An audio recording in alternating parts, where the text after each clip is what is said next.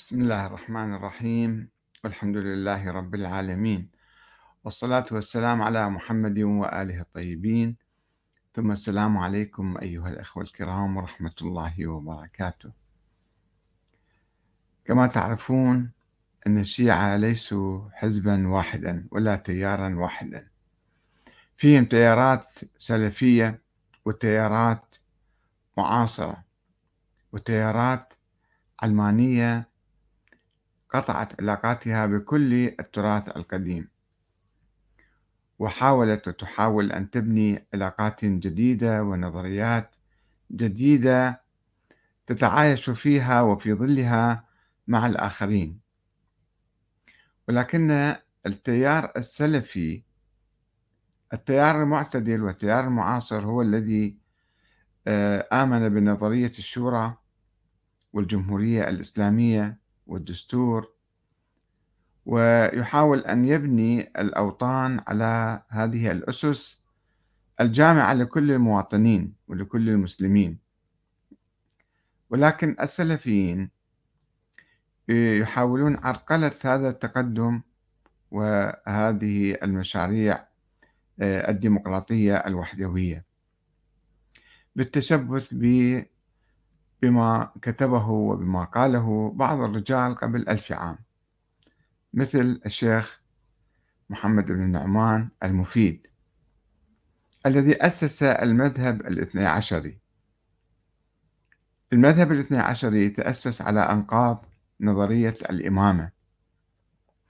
نظرية الإمامة نظرية مثالية خيالية ولدت في القرن الثاني الهجري وبصورة سرية طبعا وبصورة مخالفة لظاهر الأئمة وظاهر أقوالهم ومواقفهم. ومع ذلك آه، وصلت إلى طريق مسدود بعد حوالي 100 150 عاما. عندما توفي الإمام الحسن العسكري ودون أن يشير إلى ولد له أو أثبت في المحكمة أن لا ولد له أن أمواله تذهب إلى أمه وانتهى الموضوع. بعد مئة عام من وفاة الإمام العسكري ووقوع الحيرة لدى آه، شيعة الحسن العسكري آه، جاء الشيخ المفيد وأسس هذا المذهب الاثني عشري بناء على بعض الأحاديث المستوردة الأحاديث الضعيفة الغامضة المجهولة آه، أخبار الآحاد. أخذها من السنة وركبوها على أئمة أهل البيت وقالوا هؤلاء 12 وخلص هذه العقيدة الاثنى عشرية. في القرن الرابع كان هناك صراع حقيقي بين ثلاث جهات بين النظام العباسي الدولة العباسية التي كانت قائمة في بغداد والزيدية على الأطراف والفاطميين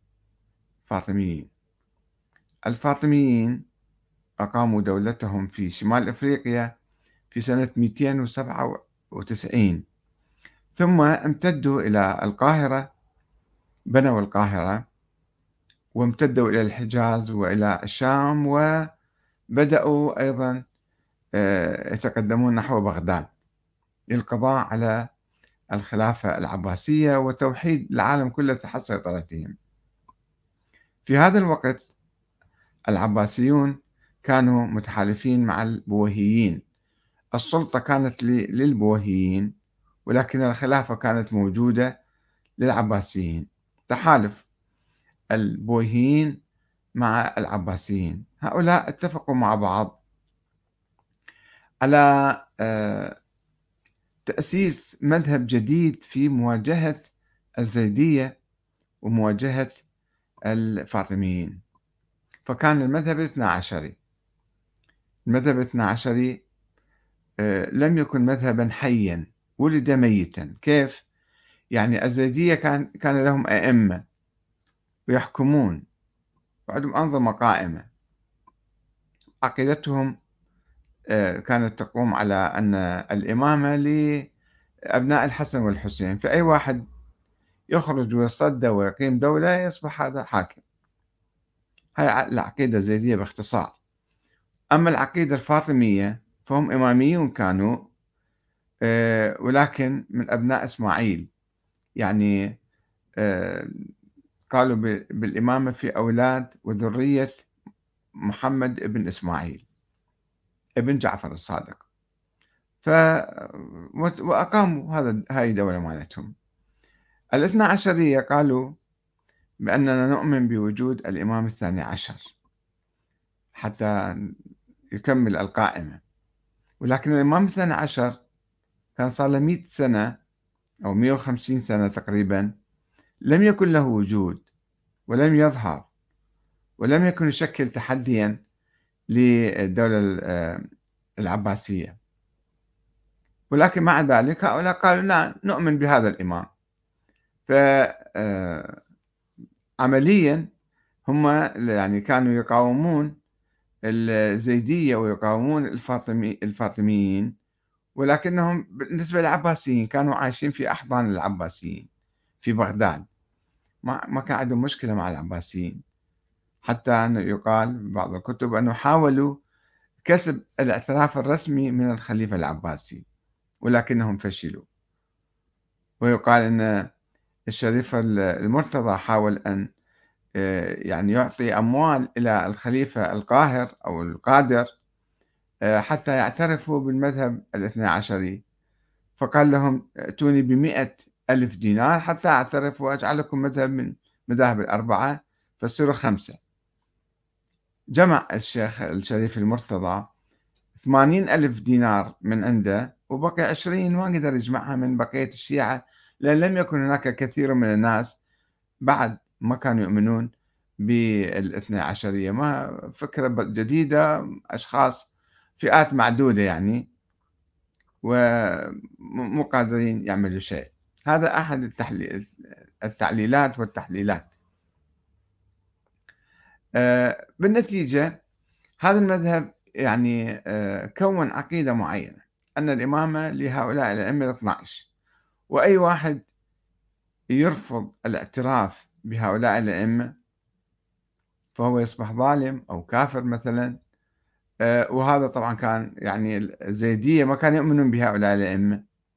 ومن ينكر واحدا منهم فقد كأنما أنكر كلهم وأنكر النبوة والتوحيد.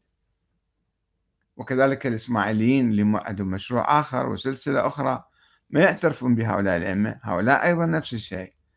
فهم قد يعني آه، ضلوا أو كفروا. فكان موجه لهؤلاء ولكنه كان ساكت في الحقيقة آه، عن العباسيين. العباسيين كانوا آه، يعني حاكمين ولكن في تآلف معهم. الشيخ المفيد مع الأسف الشديد عنده في كتاب المقنعة اللي هو أكبر كتبه الفقهية في مقدمة الكتاب يبين عقيدته. آه، أولا هو يبين أنه كتب الكتاب ممتثلا ما رسمه السيد الأمير الجليل أطال الله في عز في عز الدين والدنيا مدته وأدام بالتأييد نصره وقدرته وحرس من الغير أيامه ودولته. منه هذا الأمير ما كاتب. قد يكون أمير بويهي قد يكون أمير من أمراء الدولة العباسية طلب منه أن يكتب هذا الكتاب ويبين عقيدته. الشيخ المفيد آه، في كتبه الأخرى يذكر أنه هو يبني أحكامه ويبني مثلا آراءه على القرآن الكريم وعلى السنة النبوية وأحاديث أئمة أهل البيت المتواترة الصحيحة الثابتة المؤكدة وأيضا يتنازل مرة أخرى فيقول الأحاديث اللي منتشرة ومجمعين عليها الشيعة فأنا هم أخذها من دون تحقيق من دون. ويقول في بعض كتبه أنه هو لا يقبل بأخبار الآحاد وأخبار الآحاد يعني الأخبار اللي ما متواترة ما صار قطعية ويقينية فهو آه، ما يأخذ بها. حتى لو إذا كان يشك بها وأخبار الآحاد كلها مشكوك فيها يعني فيها شك. لذلك لا, لا نقول متواترة. يقول لو جبتوا لي ألف ألف حديث أنا يمكن ما آخذ بال بهذا بهذا الحديث لأنه أنا بعدني شاك ما أبني عليه لا علم ولا عمل. لا علما ولا عملا. ما يمكن أن نبني عقيدة على أخبار الآحاد. العقيدة كما تعرفون تبنى على القرآن الكريم. ومع الأسف الشديد هو يقول القرآن مصدري مصدري الأول. ولكنه يتنزل فينسى السنة وينسى أحاديث أهل البيت وسيرتهم وأخلاقهم وينزل إلى الأحاديث الموضوعة التي كانت منتشرة في تلك الأيام عند فريق من الناس الإمامية مثلا. وبناء على ذلك يبني مواقفه ويبني عقيدته على أخبار الآحاد. لا يبني عقيدته على القرآن الكريم. ولو كان قرأ القرآن الكريم ربما كان إلى رأي آخر مع الأسف الشديد يعني هو آه، ربما انغمس في الجدل الذي كان دائرا في تلك الأيام ونسي آه، المبادئ الأساسية الموجودة بالقرآن. بس خلينا نقرأ كم آية من القرآن الكريم. في آه، سورة البقرة في افتتاح سورة البقرة. بسم الله الرحمن الرحيم. ألف لام ميم. ذلك الكتاب لا ريب فيه هدى للمتقين. الذين يؤمنون بالغيب ويقيمون الصلاة ومما رزقناهم ينفقون. والذين يؤمنون بما أنزل إليك وما أنزل من قبلك وبالآخرة هم يوقنون. أولئك على هدى من ربهم وأولئك هم المفلحون. هنا القرآن ما ذكر الولاية مثلا. ولاية الأئمة شرط من شروط الفلاح والنجاح في الآخرة. ولا التبري من أعداء أهل البيت. أساسا القرآن الكريم لم يتحدث عن الأنظمة السياسية أو أو الدستور أو الخلافة أو من يحكم أو من أبدا. اقرأ القرآن من أوله إلى آخره. لا تجدنا شيئا من ذلك. ولكنه هو الشيخ المفيد يترك القرآن هنا يروح إلى بعض الأحاديث المنسوبة للنبي أو المنسوبة لبعض ومن دون ما يجيب مصدرها من دون ما يجيب السند مالها من دون ما يعرضها على القرآن كما قال الإمام الصادق أن إذا جاكم حديث عنه فعرضوه على القرآن إذا كان يطابق القرآن فأخذوا به وإذا ما كان يطابق فألقوا به عرض الجدار. طيب إحنا من نجي نشوف القرآن الكريم. لا يشترط أكثر من الإيمان بالله والإيمان بالغيب وإقامة الصلاة والإيمان بالآخرة والإنفاق ومما رزقناهم ينفقون يعني الزكاة مثلا. وأن تؤمن بالنبيين والأنبياء السابقين وخلص. فأولئك على هدى من ربهم وأولئك هم المفلحون. هذه الآيات تشكل القاعدة الأساسية للوحدة الإسلامية. وللأخوة وللمحبة بين المسلمين. وعندما يجي واحد يضيف أشياء أخرى من عنده بناء على أحاديث ضعيفة موضوعة وكاذبة وأخبار آحاد خلينا نفترض هذا راح يخرب الوحدة الإسلامية ويزرع العداوة والبغضاء بين المسلمين وثم يقرأ التاريخ آه، بشكل آخر ويتعصب إلى قضايا. هو كان عايش بالقرن الرابع الخامس الهجري. راح يتحدث عن القرن الأول وما حدث بعد وفاة رسول الله. والناس اللي مثلا أصبحوا خلفاء. ويقول هؤلاء الخلافة كانت الإمام علي وأخذوا. طيب كانت الإمام علي أو ما كانت؟ أنت بالقرن الرابع بالقرن الخامس. شو يهمك هذا الموضوع؟ إذا أنت عندك برنامج جديد تدعو إلى أهلا وسهلا مثل الزيدية مثل الفاطمية. ولكن أنت ما عندك أي برنامج ما عندك أي مشروع سياسي بس مشروعك تاريخي مشروعك قديم وتبني عليه أشياء أخرى بحيث تفرق كلمة المسلمين. فخلينا نقرأ نشوف هو شنو آه، كيف ينظر إلى الأمور. قلت لكم هو ما أعرف يعني آه، بدافع من لم يصرح بهذا الأمير الجليل. يعني هو كأنه كان يشتغل عنده أو مدفوع من عنده. وده يبين عقيدته اللي حسب ما يشتهي هذا الأمير. كأنه واحد واحد من معارض سلاطين صار الشيخ المفيد. ده يبني في النظرية آه، آه، ما أنزل الله بها من سلطان. والمؤسف أنه إحنا مستمرين عليها أو كثير من الناس كثير من السلفيين خصوصا السلفيين الشيعة. الذين لا يفكرون بواقعهم اليومي المعاصر ولا يفكرون بمشاكلهم يفكرون بالقضايا التاريخية فقط. يعني عايشين بالتاريخ ولم ولا يعيشون الواقع المعاصر اليوم. يقول أنه أنا ممتثل من جمع من جمع مختصر في الأحكام وفرائض الملة وشرائع الإسلام ليعتمده المرتاد لدينه هاي في مقدمة كتاب المقنعة. ويزداد به المستبصر في معرفته ويقينه ويكون إماما للمسترشدين. هذا الكلام ماله كاتبه حتى يكون إماما للمسترشدين ودليلا للطالبين وأمينا للمتعبدين.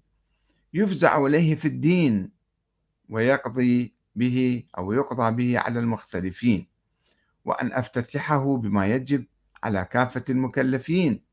من الاعتقاد الذي لا يسع إهماله البالغين إذ هو أصل الإيمان والأساس الذي عليه بناء جميع أهل الأديان وبه يكون قبول الأعمال ويتميز الهدى من الضلال وبالله أستعين طيب بس خلينا نجي نشوف شنو كاتب هذا الشيخ المفيد في مقدمة كتاب المقنعة وعلى أي أساس؟ ويقول هذا كلامي راح يصير إمام وصاير إمام حتى اليوم ولكن بلا أساس على رمال باني كلامه وعقيدته على رمال. الباب الأول في باب ما يجب من الاعتقاد في إثبات المعبود جلت عظمته وصفاته التي باين بها خلقه ونفى التشبيه عنه وتوحيده. هذا باب معقول. الباب الثاني باب ما يجب من الاعتقاد في أنبياء الله تعالى ورسوله عليهم السلام. هذا أيضا المشي. ثلاثة هنا المشكلة والمصيبة. باب ما يجب في اعتقاد الإمامة ومعرفة أئمة العباد. ويجب على كل مكلف أن يعرف إمام زمانه ويعتقد إمامته وفرض طاعته وأنه أفضل أهل عصره وسيد قومه. طيب أنت في زمانك يا شيخ مفيد منو كان إمام زمانك؟ والإمام المهدي الغائب. طيب هذا ما يسمى إمام. إذا غائب بعد هو مو إمام. الإمام هو الذي يقوم بعملية الإمامة مثل المعلم الذي يأتي إلى الصف ويعلم التلاميذ. فإذا نام في البيت أو غاب لا يعتبر معلما أو أي أي مهنة أخرى.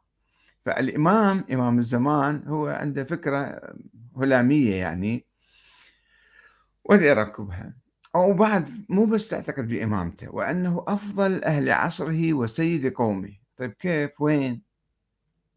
هذا مو مشكلة بعد مو مهم عنده. وإنهم هؤلاء الأئمة في العصمة والكمال كالأنبياء عليهم السلام. الحكام يعني يخطئون يصيبون يجتهدون ما نعرف من هم بالضبط. دائما هناك شك ويعني جدل حولهم. لا أنت الآن تعتقد أن هذول معصومين في العصمة والكمال كالأنبياء. من قال لك يعني الأنبياء حتى معصومين؟ ويعتقد أن كل رسول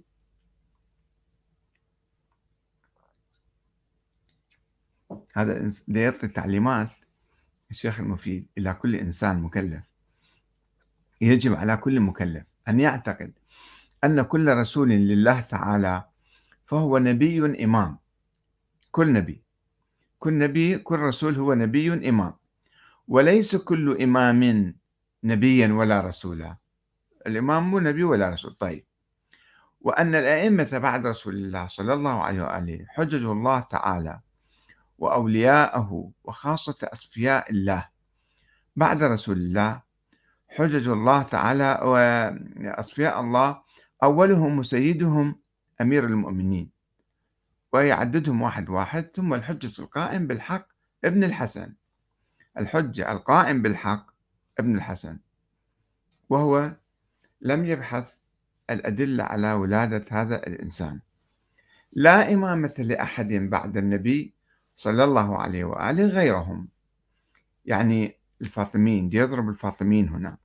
هذولا آه، مو أئمة شرعيين ولا يستحقها سواهم وأنهم اللي هسه موجودين بالتاريخ صاروا واحد غايب وأنهم الحجة على كافة الأنام كالأنبياء على كل الكرة الأرضية وأنهم أفضل خلق الله بعد نبيه عليه وآله السلام والشهداء على رعاياهم يوم القيامة.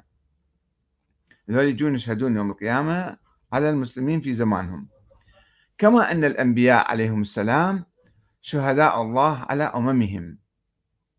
وأن هذا خيالات يجيب كلام ما في أي مصدر شرعي لا قرآني ولا سنة من النبي بس يبالغ ويغالي بالأئمة والمصيبة هنا وأن بمعرفتهم وولايتهم تقبل الأعمال. وبعداوتهم والجهل بهم يستحق أو تستحق النار. حتى الجهل مو بس بالعداوة. هذا أيضا شرط جديد أضافه الشيخ المفيد من عنده. لا الله قال به ولا رسوله ولا الأئمة كانوا يقولون أن معرفة الإمام ومو معاصرين له للشيخ المفيد. ناس بالتاريخ كانوا لازم تعرفهم وتتولاهم. ماذا تعني الولاية لهؤلاء؟ الولاية عملية حية عملية مرتبطة بالحاكم القائم الموجود. أنت تواليه يعني تخضع له يعني تتبعه يعني تطيعه. طيب إذا واحد كان قبل 100 سنة 200 سنة 300 سنة 400 سنة شن ماذا تعني الولاية له؟ سواء أنا قلت أحبه ولا ما أحبه إيش راح يصير في حياتي في موقفي؟ المهم أن موقفي الآن أين؟ وأوالي من؟ أوالي الحاكم العادل أم أوالي الحاكم الظالم مثلا؟ هذا الولاء الحقيقي. لذلك يشوفون بعض الحكومات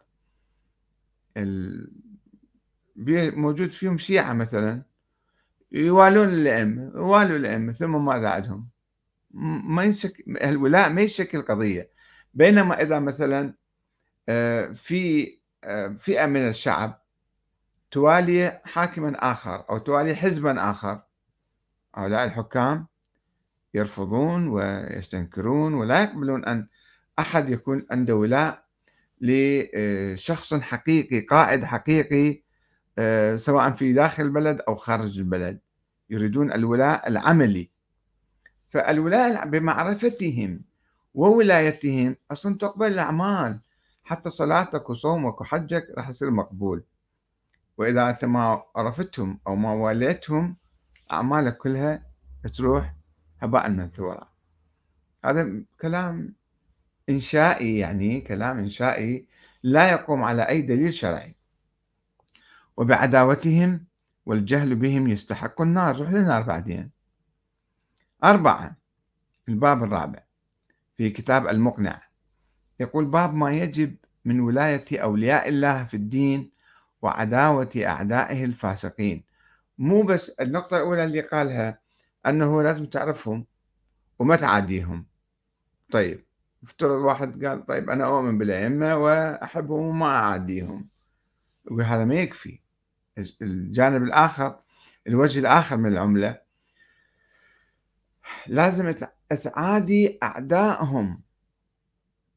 باب ما يجب في ولاية أولياء الله في الدين وعداوة أعدائه الفاسقين. الفاسقين يعادون الولي. ويشرح ذلك. يقول وولاية أولياء الله تعالى مفترضة. هاي النقطة الأولى اللي قلناها. وبها قوام الدين. قوام الدين يعني الولاية طبعا أنت كمسلم كمؤمن تحب المسلمين تحب المؤمنين. هاي الولاية العامة. المؤمنون بعضهم أولياء بعض. ولكن الحاكم اللي أنت تريده وبالتاريخ لازم أنت تواليه وعداوة أعدائه واجبة. وأنت تفترض لأعداء وتقول لازم تعادي أولئك الأعداء اللي بالتاريخ قبل مئات السنين. فكر عبثي فكر عقيم فكر آه، لا يقوم على آه، أصل قرآني ولا سنة من النبي. وعداوة أعدائه واجبة على كل حال. قال الله تعالى ويستشهد بعض الآيات العامة اللي على المشركين جاية طبقها هنا. قال الله تعالى لا تجد قوما يؤمنون بالله واليوم الآخر يوادون من حاد الله ورسوله ولو كانوا آباءهم أو أبنائهم أو أخوانهم أو عشيرتهم. أكيد هذا معروف. وقال ولو كانوا يؤمنون بالله والنبي وما أنزل إليه ما اتخذوهم أولياء. وقال رسول الله صلى الله عليه وآله أوثق على الإيمان الحب في الله والبغض في الله والولاية لأولياء الله والعداوة لأعداء الله. هاي آية جاية على الآيات القرآن جاية على النبي وعلى المسلمين في ذاك الزمان. هو يقيس والقياس باطل في المذهب الجعفري ولكن الشيخ المفيد يقيس على آه، آه، أشخاص يثبت لهم الإمامة أساسا ويقول لازم تواليهم والعادي أعدائهم. فلا الإمامة ثابتة أساسا لهم ولا ال ال الآخرين كانوا معاديهم. ربما كانوا عايشين في ود وسلام ولكن هو يجي يفترض أن لا هذول كان بيناتهم عداوة وبغضاء فأنت لازم تدخل بهاي المعركة التاريخية. عيشنا بالتاريخ. ويجي أيضا في كتاب اعتقادات الصدوق. الشيخ محمد بن علي بن بابوي الصدوق عنده كتاب اسمه الاعتقادات. أيضا بين بعض النظرات متطرفة في هذا الكتاب. فيجي الشيخ المفيد يعلق على هذا الكتاب معروف هو جاء بعد الصدوق توفى سنة 381 والشيخ المفيد 413 كما أظن يعني هالحوالي. باب الاعتقاد في الظالمين. شو لازم تعتقد الآن؟ هذا شيء مهم جدا. تعتقد في الظالمين بالتاريخ. الظالمون ملعونون. والبراءة منهم واجبة. من تولى ظالما فهو ظالم. تولى أيضا يعني أنت في واحد بالتاريخ هسه ما تدري هذا ظالم لا مو ظالم. عندك صورة مختلفة عنه تعتقد أنه كان عادل مثلا تحبه. هاي في قضية تاريخية ذهنية يعني ما يترتب عليها شيء. بس إذا في ظالم طاغية جبار قاتل سفاح تروح أنت تكون عون له وتكون تابع له هاي يسموه الولاية.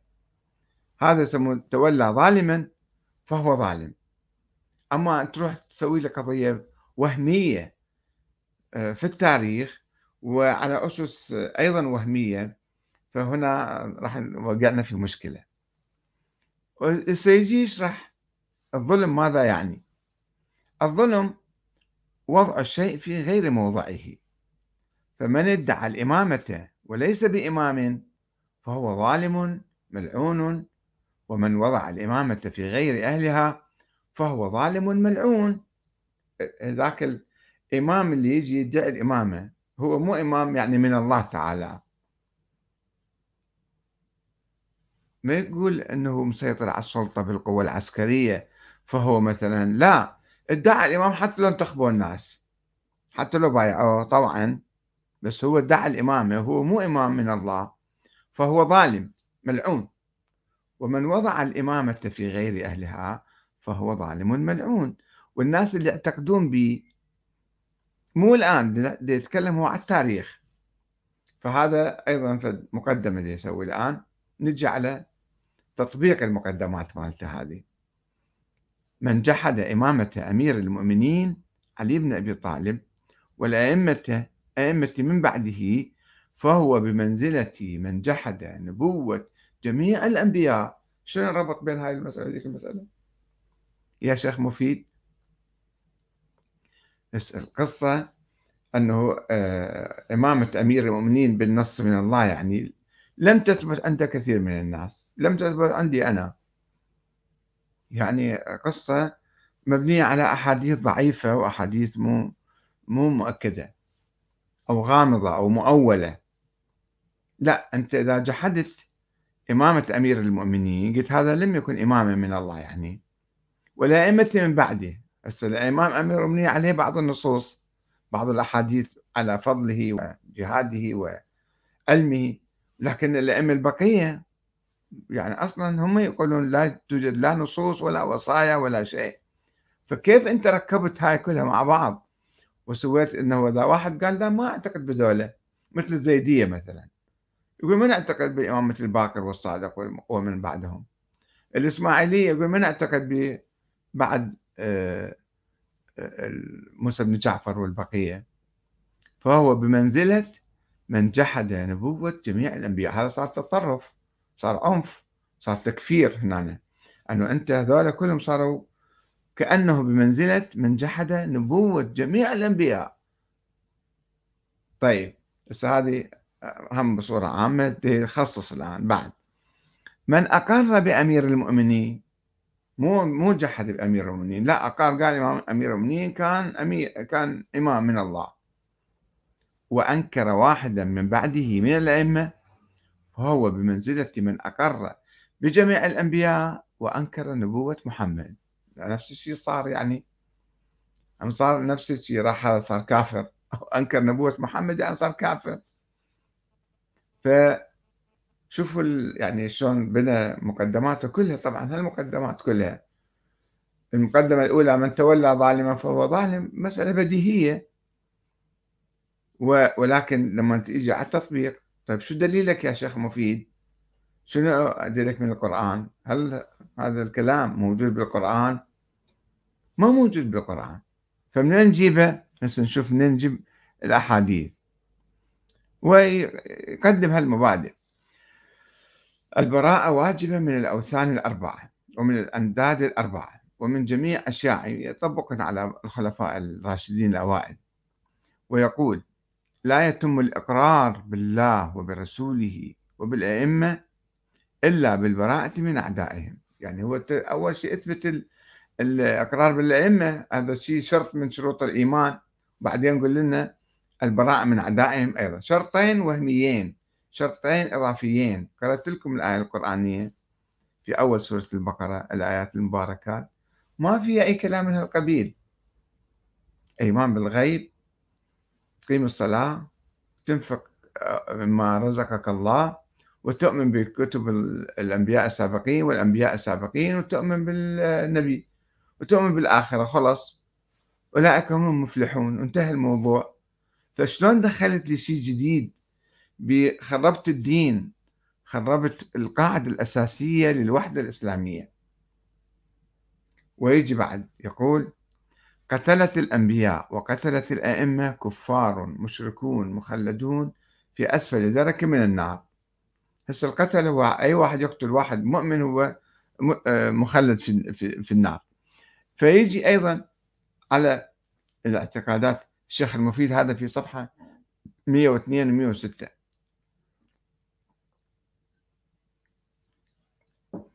ويجيب بعض الأحاديث. قال الشيخ رحمه الله يعني الشيخ الصدوق اعتقادنا فيهم أنهم ملعونون يعني في الخلفاء الأوائل الراشدين والبراءة منهم واجبة. منين جبت الاعتقاد؟ بنيته على ماذا؟ قال الله تعالى وما للظالمين من أنصار.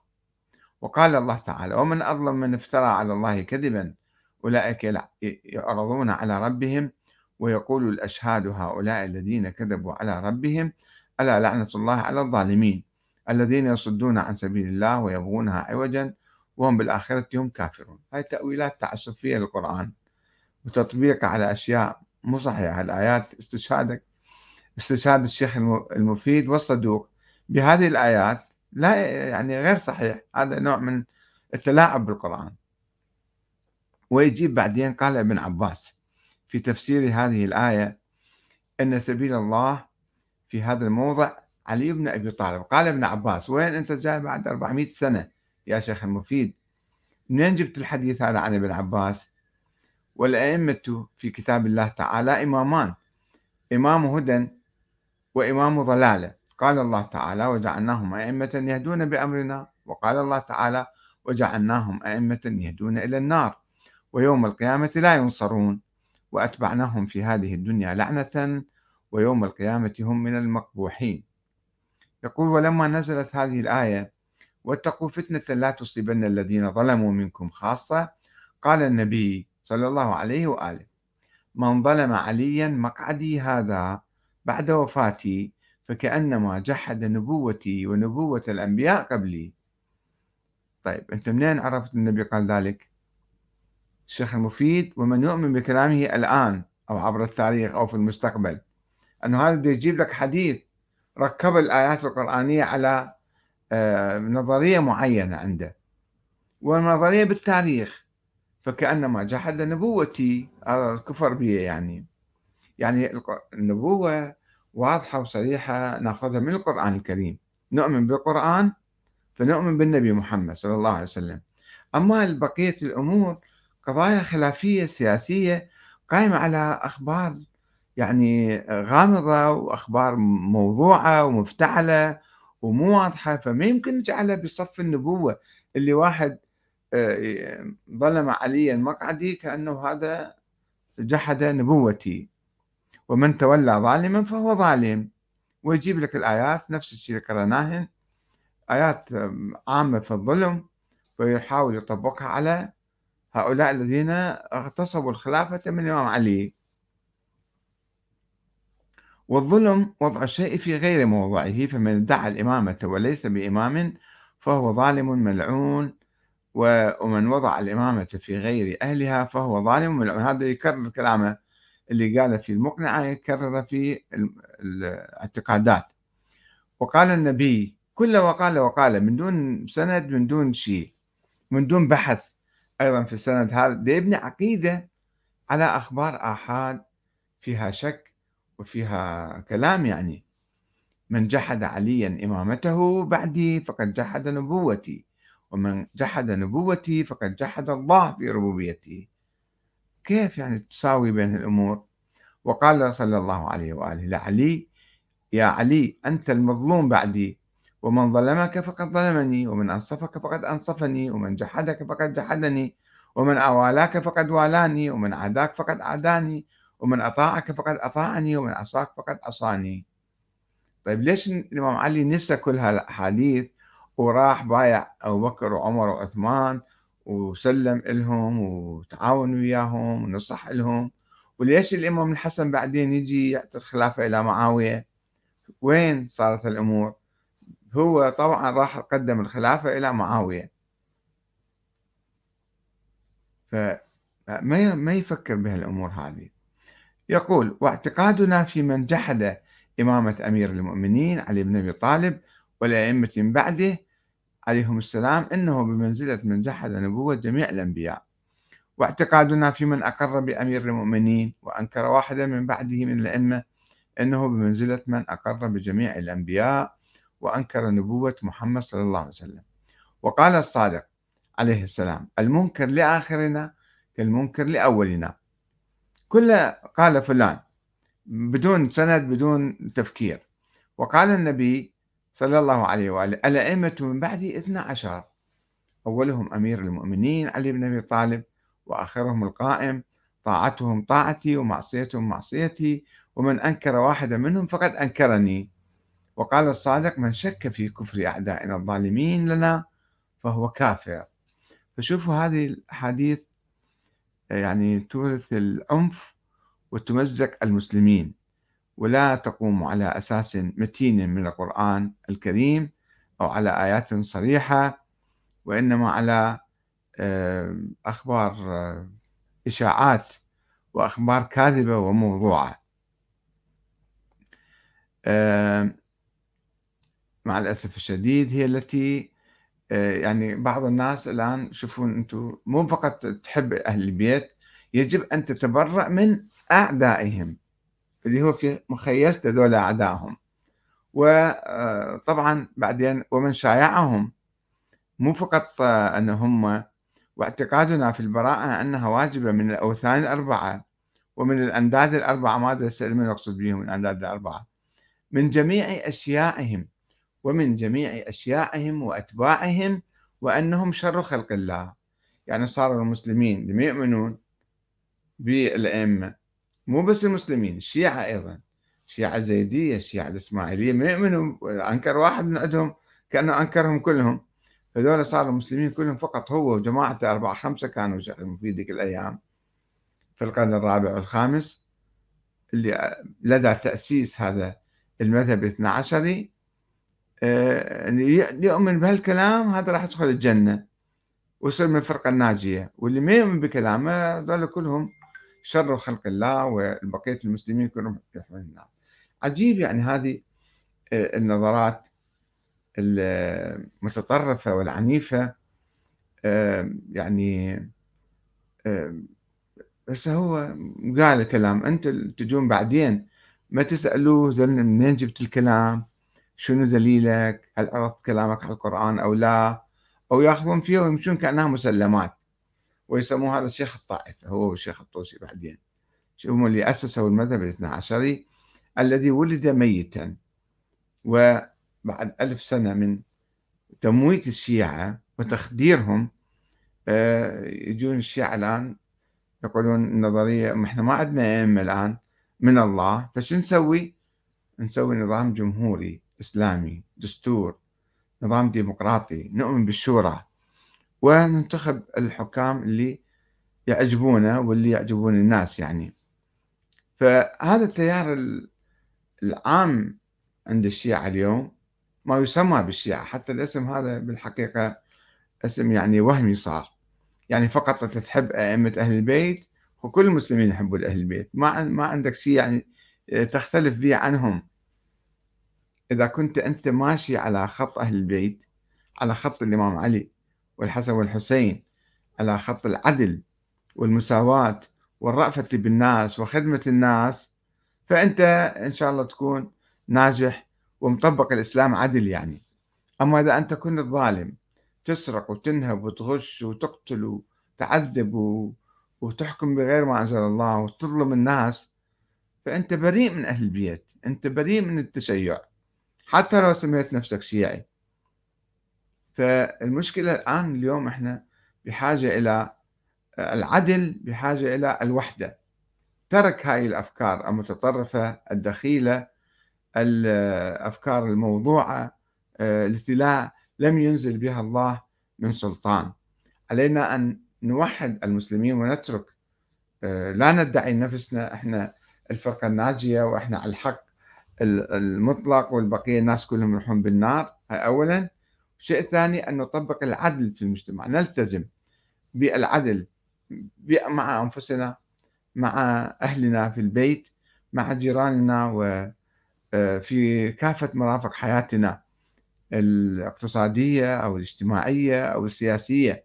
يعني إذا التزمنا بالعدل آه، والمساواة واحترام الناس سوف ننشئ مجتمعا مهديا عادلا يوفقه الله للتقدم والنجاح في الدنيا والآخرة.